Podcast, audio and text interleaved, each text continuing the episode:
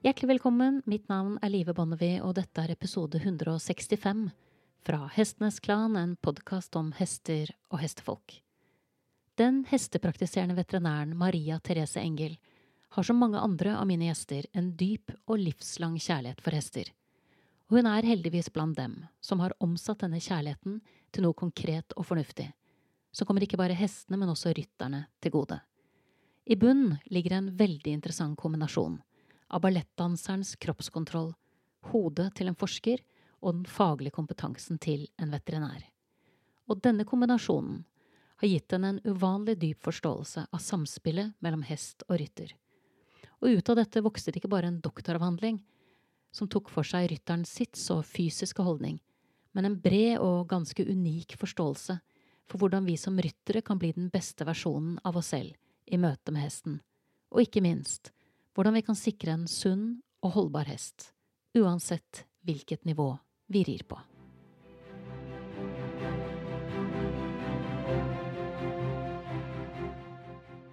Kjære Maria Therese, eh, takk for eh, invitasjonen til å komme og besøke deg.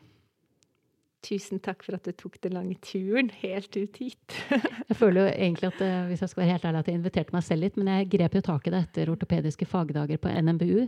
Og det var ikke mitt første møte med navnet ditt. Jeg må jo si at det er et navn som har dukket opp på radaren min i hvert fall i ti år. Og et navn som, når jeg liksom har spurt lytterne mine, kom gjerne med innspill. Mm så dukker ditt navn opp med ene mellomrom. Det var veldig hyggelig. Så NMBU ble jo for meg bare en sånn eh, et, et, Hva skal jeg si Den eh, klare veien inn til å bare tenke at nå skal jeg faktisk få huket tak i det. Og her sitter vi mm. og skal ha en prat som jeg har gleda meg lenge til. I like måte. Eh, og det handler jo det handler om mange ting, men jeg tenker nå skal jeg, nå skal jeg prøve å besinne meg. så starte der jeg pleier å starte, For jeg syns det er interessant å høre hvor folk kommer fra som hestemennesker. Mm. Så hvor startet denne reisen eh, for deg? Altså, hestelivet, det startet når jeg kanskje var en sånn ti år gammel, tenker jeg. Og begynte å ri inn i Maridalen på Skjerven gård. Jeg er fra Oslo, fra Kjelsås. Og så har det jo liksom bringet meg videre inn i på en måte mer sportslivet i årene som har gått etter det. Men, men det startet jo liksom helt på på nivået hvor alle starter med å lære å sitte på en hest og klappe en hest og børste en hest. ikke sant? Når var dette? Jeg, var, det, jeg er jo født i 83, da. Så det var, jeg, vært, jeg var vel en ti år gammel, da. Så det var på starten av 90-tallet der. Så, men jeg har liksom en, kanskje en litt annen bakgrunn enn mange andre som både som jobber som veterinær og som, på, som med hest. At jeg har liksom satset ballett. Vi, mamma og pappa drev en ballettskole nede i kjelleren på Kjelsås med 350 barn inn og ut i uka. Det var mange. Og um, der vokste jeg opp med å danse fra jeg var tre-fire år gammel. Og valgte jo liksom å satse den veien, akkurat som min far gjorde. Prøvde vel å gå i hans fotspor. Og så ga jeg meg med, med danseballett. Liksom. Det var jo musikallivet som var min store drøm. Men, eh, men eh, jeg ga meg når jeg var 20, og så satset jeg da på veterinær etter det. Det er et ganske tøft liv å danse veldig mange timer om dagen. Så det, det var nok sikkert et smart valg, men det er et stort savn også. Mm. Men det må jo være noe som du drar veldig stor nytte av i den eh, jobben du har i dag? Altså jeg tror det er liksom det derre Det å få forståelse for sin egen kropp, liksom den, den kroppsbevisstheten, den er jo en helt på et ekstremt nivå når det går inn i ballettens verden. Du står jo og på en måte måle liksom hvordan fingrene er i forhold til håndleddet. Det, er på sånn ekstremnivå i forhold til å stå på en scene og prestere. Og alt skal være likt til tider eller ulikt og på riktig timing. Det er, det, er, så mange på en måte veldig presise elementer som skal være på plass. Og det gjelder vel på mange måter mange idretter, altså. Men jeg tror at uh, du har det kunstelementet i balletten som gjør, en, gjør, det veldig, på et veldig høyt nivå, da. Uh, og det tror jeg jo at jeg har dratt ekstremt nytte av. Og jeg har også lært meg å speile bevegelse. Sånn at jeg, jeg, du står i speilet og ser på deg selv, men du står også i speilet og ser på en trener. Og det gjør til at du, du ser en bevegelse, og så lurer du på hva er det kroppen min gjør når jeg ser den bevegelsen. Og det lærer deg til å få en sånn veldig forståelse over din eget eh, register av følelser på bevegelse. Og det er nok veldig unikt for balletten, fordi du speiler så mye. Og det er jo det man kanskje ser i vår sport som et veldig stor mangelvare. Man har, man har egentlig ikke forståelsen over hva man selv gjør i det samspillet. Så jeg tror jo at jeg er veldig takknemlig over alle de årene jeg viet til den ballettsalen og de ballettskoene. Det har liksom skapt en veldig sånn grunnfundament til meg. Og i tillegg så har jeg liksom um, tillegg til at de hadde en ballettskole på Kjelsås, så drev jo pappa liksom, Da jobbet jo han veldig intensivt innenfor Olympiatoppen og toppidrettens verden. Så jeg husker jo liksom Kjetil André Aamodt og Lasse Kjus og Johan Olav Koss og Alle de drev jo og trente nede i denne salen på dagtid med han.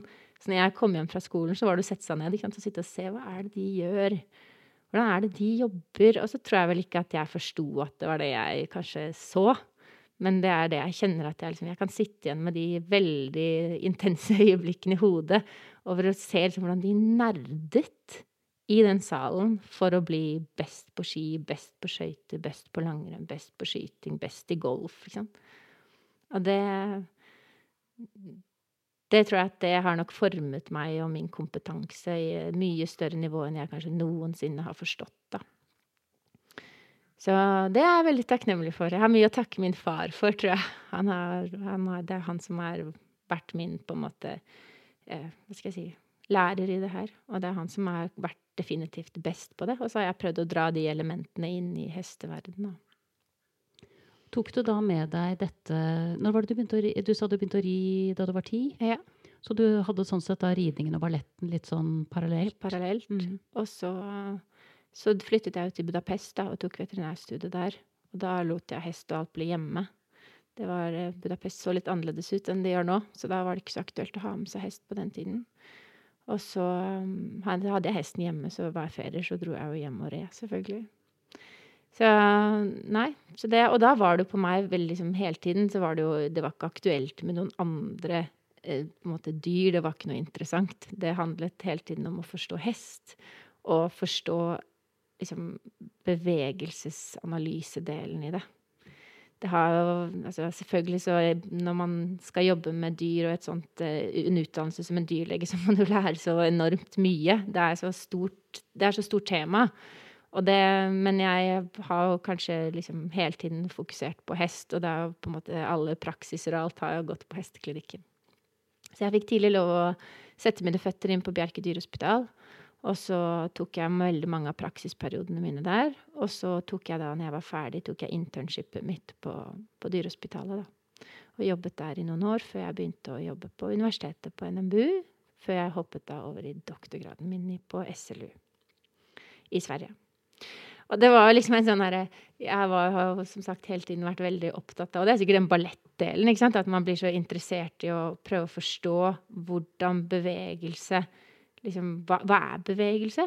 Og hvordan kan vi måle bevegelse? Og ikke minst liksom, hvor følsomme er hesten for vår bevegelse? Og det tror jeg at det, det sjokkerer meg kanskje mer og mer, selv hvor mange år jeg har drevet med det. Da tenker jeg shit, hva disse hestene føler, altså. Hvor ekstremt, liksom eh, På detaljnivå du kan gå i din egen bevegelse, og de senser hver eneste lille del. Og det, gjennom å gjøre forskning så har jeg forstått hvorfor. Liksom. Det, det, er ikke lenger bare sånne eh, hypotetiske, kunstneriske spørsmål. Det er liksom gått ned til et sånn objektivt mål. Hvor mange kilo er det? Hvordan er kreftene i det? Hvordan er massekonseptet? Hele det derre ja, mer vitenskapelige aspektet. Det, det, trives nok hodet mitt veldig godt med, da. Mm. Da merker jeg at vi kommer veldig raskt inn nå på det som, som er grunnen til at ditt navn har stått på min liste i mer enn to år knyttet til podkasten. Og det er jo dette med å unngå å sitte i veien for hesten. Mm. Og hvor ofte vi gjør det uten å verken mene det eller å være klar over det. Så det ville vært det stedet jeg hadde ønska at vi hadde starta, å snakke ja. om det. Og det, det, var jo egentlig det, akkurat det spørsmålet liksom på en måte kom opp i mitt hode når jeg sto der inne på klinikken. Så husker jeg liksom at jeg sto på Bjerke, og så kommer liksom disse fine hestene inn, ikke sant. Og så opplever da disse rytterne at nei, men den går ikke så bra til høyre som til venstre. Og jeg kjenner at når jeg liksom rir på volte til høyre, så er det så lett. Men når jeg rir på, på volte til venstre, så er det vanskelig. Han sporer ikke, han balanserer seg ikke, han blir litt urytmisk. og Samme skjer i traveren og i versaden. Ikke sant? Hele den derre ja, den der, hva rytteren sitter og føler på, da. Og så ender det på en måte med at de tenker at nei, det må være noe galt med hesten, siden dette gjentar seg. Og så kommer de inn på klinikken, og så selvfølgelig, du finner jo alltid elementer av utfordringer på alle dyr på et eller annet nivå. De fleste, i hvert fall. Og så var det egentlig ikke før det øyeblikket jeg satte rytteren opp, for jeg tenkte shit, liksom, nå kollapsa den der dialogen der. Liksom, det hesten som egentlig var ganske fin. Nå rakna det. Og hva var det som skjedde? Og hvor mye hemmer den rytteren det naturlige bevegelser for den hesten? Og det var jo sånn det starta for meg i livet. Det var liksom det spørsmålet. Og en sånn enorm frustrasjon om at her skal det liksom forventes at jeg skal sprøyte noe ledd og behandle noen rygger og nakker og diverse. Og så forventer man også at den skal bli frisk. Og så tenker jeg, hvordan hulse kan jeg forvente at jeg gjør den frisk? Hvis jeg ser at elementet handler om en person som sitter oppe, og som forhindrer naturlig gode bevegelsemønstre. Så det var der veien startet, og liksom runddansen startet. Og så skjønte jeg plutselig at det, det er ikke sånn at alle besitter den kompetansen i hodet som jeg er født med med ballettverden. Det er ikke sånn at alle sitter og har den forståelsen over sin egen kropp. Det trodde jo jeg. liksom. Trodde at det her er noe alle har tillært seg. liksom. Du tenker ikke over det når, du, når det er en del av deg. ikke sant? Og så begynte vi å gjøre en del eh, små, sånne enkle studier gjennom Ester Hoff, som er en, en som har jobbet i Rytterforbundet i mange år, som kontaktet min far, da, Håvard, og meg, og spurte om vi skulle begynne å jobbe litt med satsingsrytterne og sånn på dressurens side. Og så um, innså jeg at shit, det her er en helt annen verden. Liksom, ryttere har ikke tenkt over hva de gjør med seg selv når de sitter oppå der. De er så fokusert på hva den hesten gjør. At det elementet av å stille liksom spørsmålene Er dette den beste måten å gjøre det på? Fra meg, liksom. Måten jeg bruker kroppen min på? Eller er det ikke det? Er det andre måter som er bedre? Og det er liksom når du begynner forskning, ikke sant, så er det jo sånn at det, du tror liksom at du skal revolusjonere noe, liksom, når du setter opp dine første hypoteser i en doktorgrad. Du, du, du, tenker at eh, Og jeg, jeg, kom jo med de hypotesene til Lars Røpstorp på SLU og sendte han en mail og sa liksom Jeg har hørt at du er best, liksom. Jeg har disse spørsmålene. Ja, hvordan kan vi gå til veis og jobbe med dette? Så, og jeg er så heldig å få Ulla Håkonsen, stiftelsen hennes, den svenske dressurrytteren, til å sponse hele doktorgraden min. Så det har vært en kjempespennende reise, altså. Og hva eh, var temaet for doktorgraden? Det var jo egentlig å se på toppryttere og måten Vi kaller det jo posturalkontroll. Og det er kanskje litt sånn teite ord, men posture ikke sant? det er jo kroppsholdning. Hva slags kontroll, kroppsbevissthet, er det du har for de ulike elementene du skal inn i? Og det, det var jo det det handlet om. Det handlet om å lære seg å analysere. Se hvordan er det vi skal analysere en rytter, og hvordan skal vi analysere en rytter på hesten, men også uten hesten. Da gjetter jeg på at eh, dere fant eh, ganske mange ryttere som ikke hadde så mye som du var inne på, så mye kroppsbevissthet? Ja, det vil jeg si. At det er jo Det er kanskje det som er den store liksom, grunnpilaren for det vi gjør, og det arbeidet vi gjør. Jeg ser at det er en kjempemangelvare. Det er forståelsen for hva man gjør med sin kropp når man sitter der oppe. Jeg husker veldig godt jeg hadde min første kjøretime mm. og sleit med kløtsj og gass. Uh, og da sa min kjørelærer det, Den glemte jeg aldri. Han sa det er aldri noe problem for de som danser ballett. Nei, det er koordinasjon, ikke sant? Evne, og det er jo det som jeg sier at liksom, ba, Hvis vi skal se til andre idretter, da, Liksom, hvordan skal vi tenke at vi skal trene en rytter til å bli veldig god?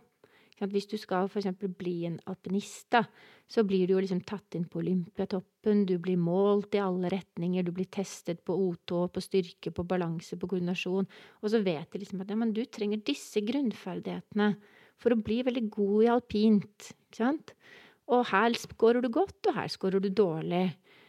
Mens hvis vi hadde tatt inn en rytter, da, så sier vi ok, vi kan godt måle, men hva er det vi skal ha? Det vet vi ikke.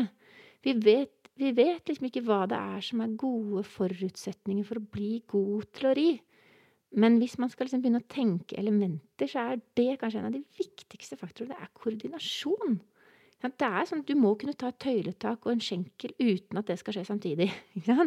Du må kunne sette an en volte uten at det er å tippe hele kroppen. Du, må kunne gjøre det vi kaller i ballettens verden et isolasjonsarbeid. Du må kunne vite hva du gjør med de ulike kroppsdelene separat fra hverandre. Det blir litt som å kjøre bil, da. Mm. Så forekommer det meg jo at dette er jo ikke en del av rideutdannelsen da, i Norge når du skal bli en rytter.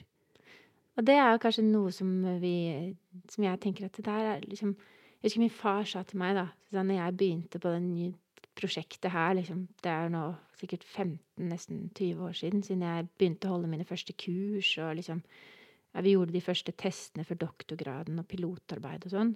Og da husker han sånn Maria, nå må du lære deg én ting, liksom. Du er et utålmodig vesen. Nå må du lære deg å bli tålmodig. Fordi det å endre kultur, det tar årevis. Og det gjør det.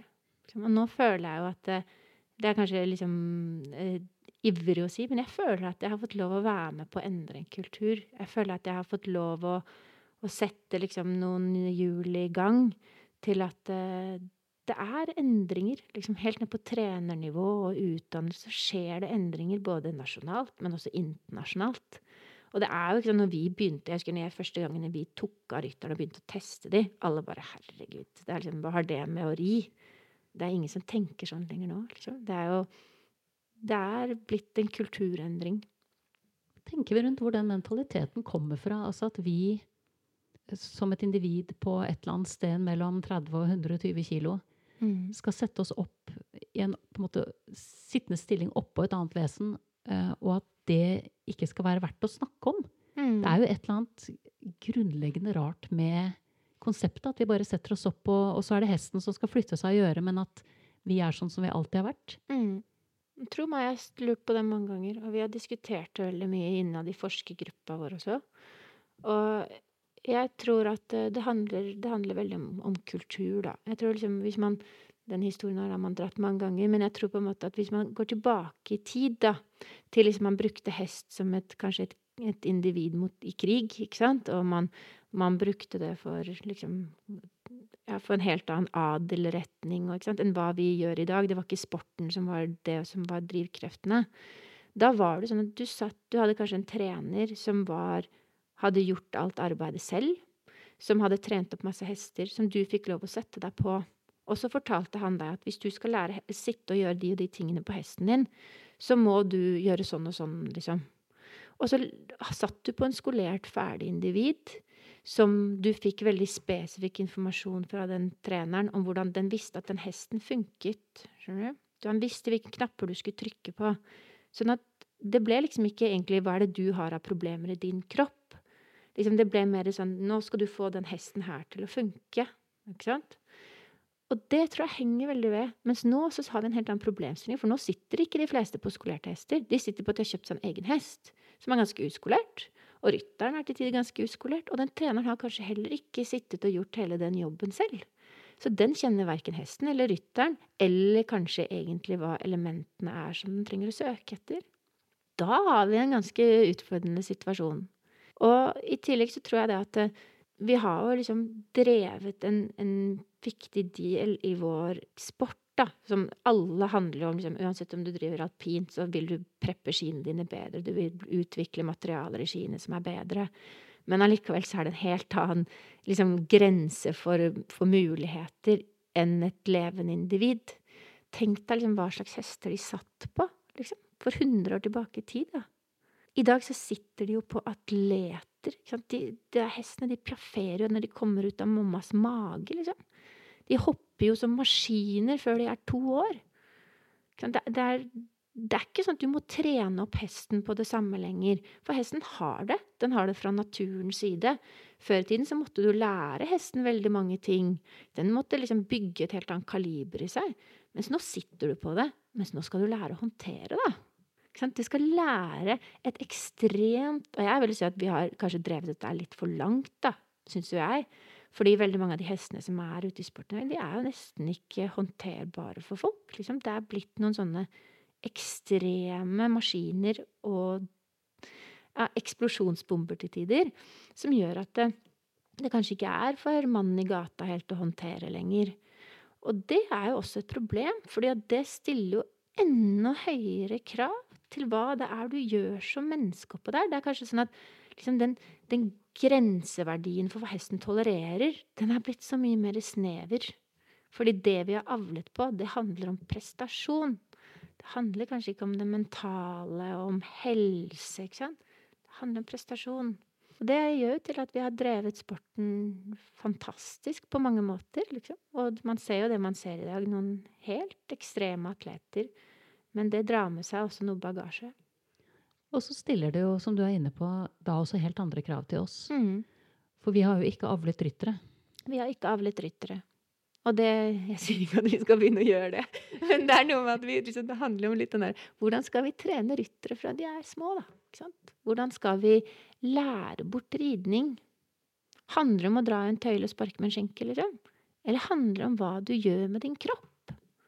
Hvordan er det du flytter masse? Hvordan flytter du vekt? Hvordan setter du an rotasjoner? Hvordan viser du hva framparten skal gjøre, hvordan bakparten skal gjøre, hva ryggen skal gjøre? Er det bare 1000 impulser gjennom tøyle og skjenkel, eller er det noe annet?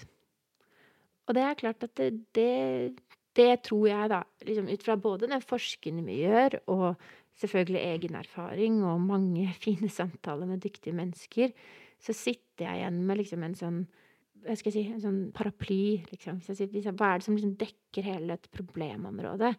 Så vi er ikke fokusert på hva rytteren skal gjøre for å gi korrekt informasjon til hesten. Vi, er, vi, gir informasjon til hesten om hva den skal gjøre. Forstår du hva jeg mener med det? Jeg forstår veldig godt hva ja. du mener. Og det er liksom, Ta et eksempel da, fra forrige forskningsstudie vi gjorde gjennom SLU og NMBU. Da har vi liksom to ulike settinger. Vi har en på Strømsholm og en på Starum. Hvor da de, det er flere ekvipasjer som, som, rir for da samme trener. Og så bytter vi trener, og så er det de samme ekvipasjene. Og så bytter de også innad hester. Og så ser vi da på ulik pedagogikkmetode, ikke sant. Og vi gjør intervjuer med de, men vi måler de også biomekanisk. Det vil si at vi setter på masse duppeditter av sensorer og sånn for å måle egentlig hva rytteren og hesten gjør med sin kropp. Og liksom den store take home-messagen fra de antall timene med data og det er at liksom treneren står og forteller hesten hva den skal gjøre. Den sier 'nå er bogen ute', 'nå er rumpa inne', 'nå stiller den feil', 'nå er den ujevn i bæringen', eller 'nå takter den', eller Ja, ok, jeg skjønner at det er problemet, men hva skal rytteren gjøre for å fikse det? Så nå sitter du skeivt, du må rette deg opp, liksom, finn balansen. Og så gir man jo ikke verktøy til piloten for hvordan den skal gjøre det, du bare forventer at den skal forstå det. Det er en veldig dårlig pedagogikk. Du ville jo ikke sagt til en alpinist at du, du kjører en sinnssykt bra høyresving, men en dårlig venstresving, så nå må du fikse venstresvingen. Du ville jo sagt hvordan skal vi gå til verks for at du skal fikse den venstresvingen? Hva er det som er problemet? Er det liksom trykk på skien? Er det hvordan du posisjonerer deg? Hva er det som gjør at dette ikke funker? Og så går du inn og trener på det. Mens vi sier liksom bare at du skal få fiksa det. Og så glemte vi om det var med tøylen, med skjenkelen, med vekten, med brystet, med hodet, med bekkenet. Det sa vi ikke noe om. Og da leter jo den stakkars rytteren i blinde. Det blir dårlig pedagogikk av det, men det blir også litt dårlig ridning av det. Og det går utover denne firbente krabaten, da, som prøver kanskje å forstå alle disse tusen signalene vi gir. Og så kunne vi kanskje gitt én signal og fått en respons som ble bra. Istedenfor at vi sitter og kjemper egentlig mot oss selv i veldig mye arbeid vi gjør, da. Og der kommer liksom kanskje veterinæren i meg inn, for der får jeg et etisk dilemma, liksom. Jeg kjenner at liksom, vi har et ansvar. Vi sitter på noen fantastiske atleter, uansett om det er eh, den eh, fine fjordingen vi har på jordet, eller om det er den flotte OL-hesten ute på arenaen, liksom. Det har ikke noe å si. Det er et individ med blod og hjerte og hjerne, liksom. Og vi skal etisk forsvare og sitte på det. Og da har vi et ansvar, altså. Det er jo så interessant at du nevner akkurat uh, dette når jeg hadde en samtale med mannen min som ikke rir i går. Mm. Og sa til ham at jeg har liksom nådd et punkt med min egen hest hvor jeg virkelig må tydelig forsvare med hvilken rett jeg rir. Mm. Jeg hadde for noen år siden en sånn tradisjon med noen veldig gode venner av meg hvor vi møttes en gang eller to i året. Vi dro et sted, vi red hester i fjellet, eller vi drev på Island, eller fantastiske turer. Men det å kunne forsvare også å reise et sted og sette seg opp på en hest man aldri har ridd før, og så bare forvente service på en eller annen mhm. måte Jeg kjenner jo at Det har sikkert noe med alder å gjøre også, hvor lenge man har drevet med hest, men altså jeg kjenner jo at det er mer og mer betimelig å stille spørsmål ved hva vi holder på med. Mm. Og jeg kjente mye på det egentlig når jeg var ute og, og intervjuet uh, Peder Fredriksson. Ja. Dro til Jönköping Horshov og møtte ham der, eh, mellom to klasser. Eh, så ham ri, så hvordan hestene ble stelt og sånne ting. Og så nivået av perfeksjon. Mm. Dette er en fyr som ikke har et gram for mye på kroppen, som trener yoga, som er superdisiplinert i alle nivåer. Så det handler ikke bare om hva som skjer rundt hesten, men han, han, du ser så tydelig at han også prøver å være den beste rytteren han kan være for hesten sin. Mm. Og så tenker jeg litt, hva er det som Vi snakket litt om det før vi trykket på rekord her. Han har jo et klart mål Mm. ikke sant? Som, som man kan sikte etter. Mm. Mens en del av oss som er hobbyryttere, har jo ikke det helt klare målet å sikte etter. Og basert på egen erfaring også, det er tungt å endre seg selv. Og det er så deilig, tror jeg, for folk når man rir for en trener som sier Sett ham på plass, eller nå må du bare liksom to tett, nå, må, ikke sant? nå må vi videre i programmet. Og så er det ikke meg det er noe galt med. Jeg trenger ikke gjøre noen ting, men hesten eh, gjør feil. Altså at det er så behagelig også at, uh, at det er hesten vi skal løse. Mm, jeg tror at det, det Det er jo Det å endre seg selv er jo veldig komplisert, ikke sant. Det er jo en tung jobb å ta fatt i. Og det er jo kanskje derfor du ser i andre idretter, for eksempel. Det er jo ikke det er jo ikke sånn at det blir mange nummer én. Det er jo en grunn for at Hvorfor er det noen som blir så flinke?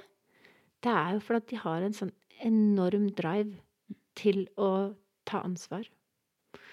Og gidde å gjøre en jobb som de andre ikke gidder å gjøre. Og det er klart at det, der er jo liksom vår sport igjen litt sånn spesiell, for du kan liksom på en måte få en velskolert hest, og kjøpe deg en ganske velskolert hest. Og så er du kanskje ikke så velskolert selv. Du har ikke måttet gjøre all den jobben som alpin, alpin, alpinisten måtte gjøre da, for å få de skia til å gå fort. Fordi du kjøpte deg noen sinnssykt bra ski, da. Og den, den hesten, den gjør litt jobben for deg. Og så blir det liksom til at man hele tiden skal mase på å få den hesten til å gjøre det. Og så slipper man litt unna selv. Og det er klart at det funker til et visst nivå. Ikke sant? Men det er sånn som Peder vet at det ikke funker. Ikke sant? De beste vet at det er ikke godt nok. Ikke sant? De må gjøre den jobben. Men de har en drive som handler om konkurranse. Ikke sant? Det er, og det må jeg si med alle disse topprytterne jeg har fått jobbe med. Det er én ting som er fellesnevneren for dem. Det er driven til å bli best. Og det gjør de jo liksom Kalle koste hva det koste vil. De, de reiser verden og strand rundt de, for å få løst disse ulike problemstillingene sine. For å bli den bedre utgaven. Og det, sånn var det kanskje ikke for 10-15 år tilbake, men nå er det sånn. Men uh, vi andre, vi, vi, må finne andre motivasjonsfaktorer, da. Fordi i hvert fall jeg selv er ikke noe konkurransemenneske. Så det er ikke det som nærer meg. Jeg har ikke noe behov for å bli best. Men jeg har veldig lyst til å allikevel kunne naile den opplevelsen av å være i ett med en hest, f.eks. Og det tror jeg er veldig sånn hobbyrytteren. At den kanskje næres enda mer av hva er det jeg kan gjøre godt for hesten min? Liksom, hva, er det, hva, er det, i meg som jeg kan klare å rette på for at det skal føles enda mer i harmoni? Og det er jo fantastisk utgangspunkt, hvis man kan nære den delen og finne motivasjonen i den delen, til så å endre seg selv. Og det, det er kanskje litt jobben min som trener også, er jo litt den der å finne de elementene. Fordi det å ta den taket og finne ut av seg selv, gjøre den jobben med å endre seg selv, det er ingen quick fix, ja. Det er hardt arbeid. Og hvis du da går ut fra at uh, problemet mitt ikke er at jeg ikke gidder, Mm. Jeg har bestemt meg for at jeg vil, selv om jeg er hobbyrytter, Mm. at jeg vil det stedet hvor jeg på en måte kjenner den enheten med hesten, hvor jeg kjenner at jeg ikke er av veien, hvor vi kjenner altså Du vet hva jeg snakker om, det øyeblikket hvor alt er bare I ett. i ett. Mm. Så mangler jeg verktøyene for å komme dit. Ja.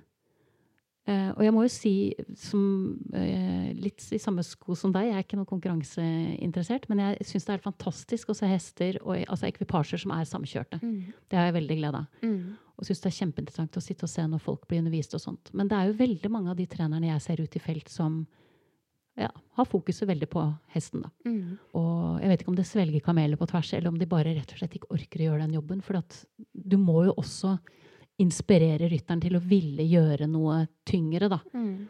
Enn å sette hesten på plass, på en måte. Jeg tror at det er mangel på kompetanse.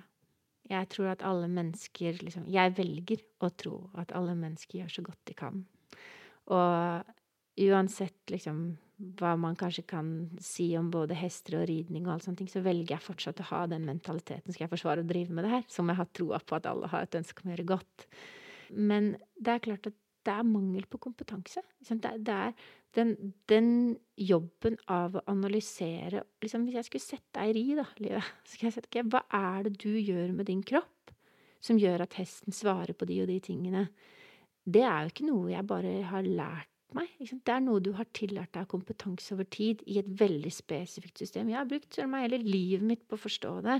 Jeg har brukt 15 år for å hoppe inn i en doktorgrad og prøve å nerde inn i det. Og liksom få se kurver og grafer. Det er, det er komplisert å lese menneskekropp. Og det er jo det som er problemet. At liksom når man ikke har gått når det ikke er en del av trenerutdannelsen. Man har ikke lært seg systemet for hva er det jeg skal se etter, da. Så er det vel en stakkars håpløs oppgave for den stakkars treneren òg å si at du sitter skeivt, nå må du rette deg opp. Men jeg veit ikke hvordan du skal rette deg opp. Ja, for den har jeg hørt. Ja, og den har alle hørt. Sånn, nå sitter du på skeiva, liksom, eller du er ikke i balanse. Nå må du finne den. Men du kan jo ikke finne den hvis ikke du vet hva det er du skal gjøre for å finne den. Og hvis ikke treneren har verktøy til å fortelle deg riktige korreksjoner, så vi, kommer vi jo ikke i mål. Ikke da er det en håpløs oppgave. Og det er jo det liksom har vært min misjon med alle de kursene vi holder, og alle de modulkursene. Det er jo at trenerne skal lære seg verktøyet av å skjønne hvordan de skal sette det i et system. Fordi vi har så lett for å snakke om liksom, hva skal jeg si, følelsen av hva vi ser. Og det går ikke. ikke Et annet menneske Jeg vet ikke hva du føler, livet. Så hvis du skal fortelle meg hva jeg skal gjøre, så kan ikke jeg tolke følelsene dine. Jeg må få presise oppgaver. Og det er liksom det er, alle kan lære seg det, men det må man få tid til å lære. Man får tid til å analysere, få tid til å forstå for å lære seg det verktøyet. Og det, det er ikke i vår utdannelse ennå. Du har nettopp hørt episode 165 fra Hestenes Klan, en podkast om hester og hestefolk. I neste ukes episode så får du del to av dette intervjuet, og da dykker vi dypere ned i materien så det er bare å glede seg. Da gjenstår det bare for meg å takke min faste komponist Fredrik Blom, designeren av podkastens visuelle profil, Ove Hals, min gjest Maria Therese Engel, og sist, men ikke minst, vil jeg som alltid takke deg, kjære lytter, for tålmodigheten. Måtte hesten for alltid være med deg.